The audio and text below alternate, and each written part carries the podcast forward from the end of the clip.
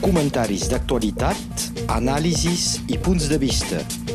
La crònica d'opinió amb l'advocat Pere Beca.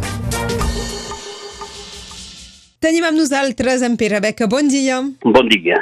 Avui eh, ens interessarem a la Conferència Nacional del Moviment Civil de Catalunya. Què ha passat en aquesta conferència?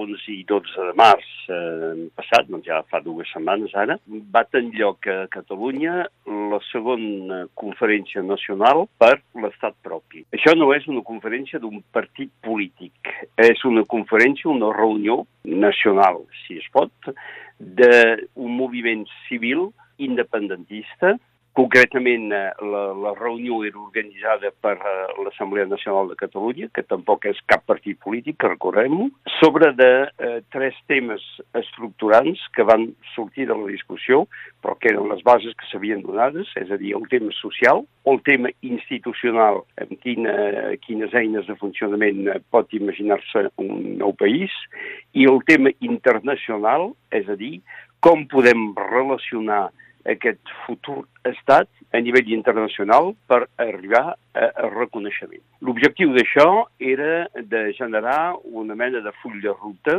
tot i que aquest full de ruta havia de fer servir l'experiència de lo que va resultar de l'1 d'octubre, perquè no estem a les mateixes condicions. L'objectiu és constituir una mena de pacte nacional popular com es va fer, eh, recordem-ho, el 2011, concretament la primera conferència nacional va ser el 30 d'abril del 2011, que va ser una iniciativa de la societat civil, no dels partits polítics, i que va ser potser el que va desencallar tota aquesta increïble pujada fins a arribar al referèndum de l'1 d'octubre. I doncs l'objectiu d'aquesta segona conferència és d'arribar a fer que aquest moviment tingui altra vegada la capacitat de pressionar de baix a dalt, és a dir, fora dels compromisos necessaris dels partits polítics. Aquest eh, moviment pren en compte que els partits polítics, de totes maneres, sempre tindran la seva lògica pròpia i eh, els seus acords propis a nivell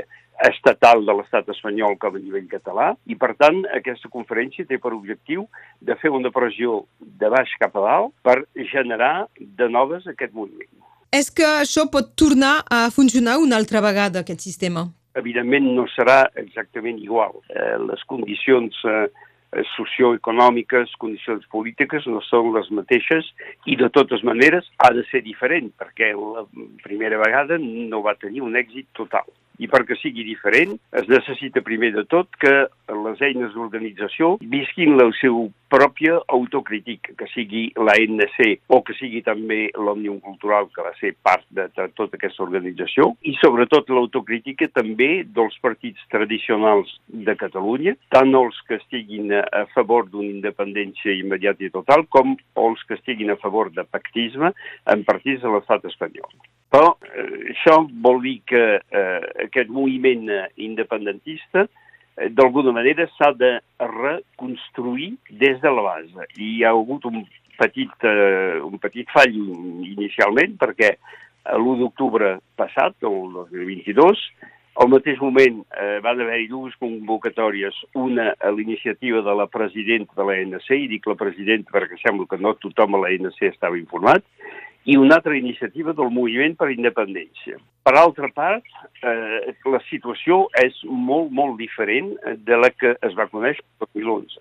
El 2011 eh, hi havia 15% de votants eh, com a màxim a favor de l'independentisme. Això va pujar a més del 50% eleccions autonòmiques i va pujar fins al referèndum. Però després això es va complicar amb el rol dels partits polítics i la manera que va posar el missatge més difícil d'entendre. I políticament, potser l'idea que va presidir la Constitució de Junts per Cat era una bona idea, però que donava massa pes a l'organització partidari per tenir el seu camí. I ara la situació d'ara és molt diferent. Primera perquè el govern d'Espanya no és, eh, almenys en paraules i en línia política, tan repressiu com ho va ser eh, els anys anteriors, però eh, d'una altra manera aquest govern més suaument eh, manté aquesta pressió i manté la manera de desprestigiar el moviment català. I doncs, tant com estem amb una lògica de partits i de pressions partidaris, això no pot funcionar de cara al govern. Exactament com veiem, eh, nosaltres des de Catalunya Nord potser ho veiem més que no pas els catalans del sud, però la, la política francesa que està desprestigiant totalment els partits polítics, mireu què passa amb la reforma de jubilació, són els sindicats que han posat eh, la, la, la discussió i que han tingut eh, la més empenta, i ara que els sindicats sembla que baixin una mica la pressió, és la base mateixa, més o menys descontrolada, que ho va mantinguent. Exactament com va passar amb el fenomen de les armilles grogues, és a dir, sense cap estructura, sinó un moviment de reivindicació o de protesta popular no organitzat. I això seria perillós que arribés a Catalunya si les entitats no són capaces d'organitzar-ho. Per què? Perquè el moviment pugui entès i que el moviment no vagi cap a violència, que no cal, doncs, pel que tingui el seu propi prestigi, ha de ser organitzat i per això es va organitzar aquesta conferència. D'ara endavant, eh, Pere Beca, quina penseu que pot ser l'evolució? Primera, el més difícil a nivell polític és que tots els eh, participants, que siguin partits, que siguin entitats, que siguin associacions, que siguin moviments eh, culturals, tothom ha de mirar de fer la seva autocrítica, i de determinar si sí o no la voluntat política major és d'arribar a independència. Perquè si la pressió no ve de baix cap a dalt, això no funcionarà.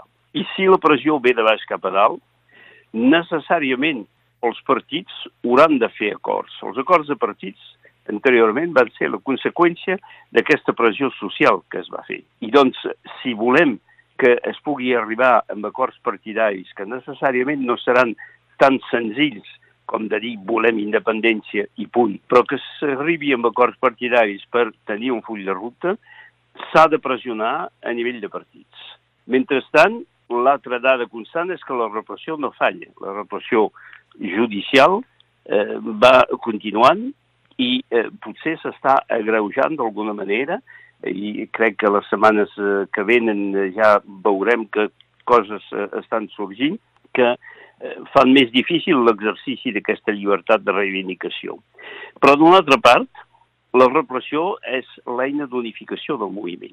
Doncs, autocrítica, humilitat, treball de la base per ensenyar el camí i per arribar a que la traducció política pugui ser un èxit, com quasi ho va ser l'1 d'octubre, que potser en aquell moment era una circumstància històrica que no es va agafar amb tota la seva plenitud. Tant, és un camí molt llarg, molt difícil, per tant, és un camí molt perillós i, evidentment, com hem quedat sempre, s'ha d'excloure la violència perquè, en aquest cas, entre l'estat espanyol i el moviment català, el primer que dispara és el que perdrà. Avui és el que ens podia explicar en Pere Beca. Moltes gràcies. Gràcies a vosaltres i fins a la setmana entrant. Que vagi bé. Adéu, bon dia. Adéu. Comentaris d'actualitat, anàlisis i punts de vista. La crònica d'opinió amb l'advocat Pere Beca.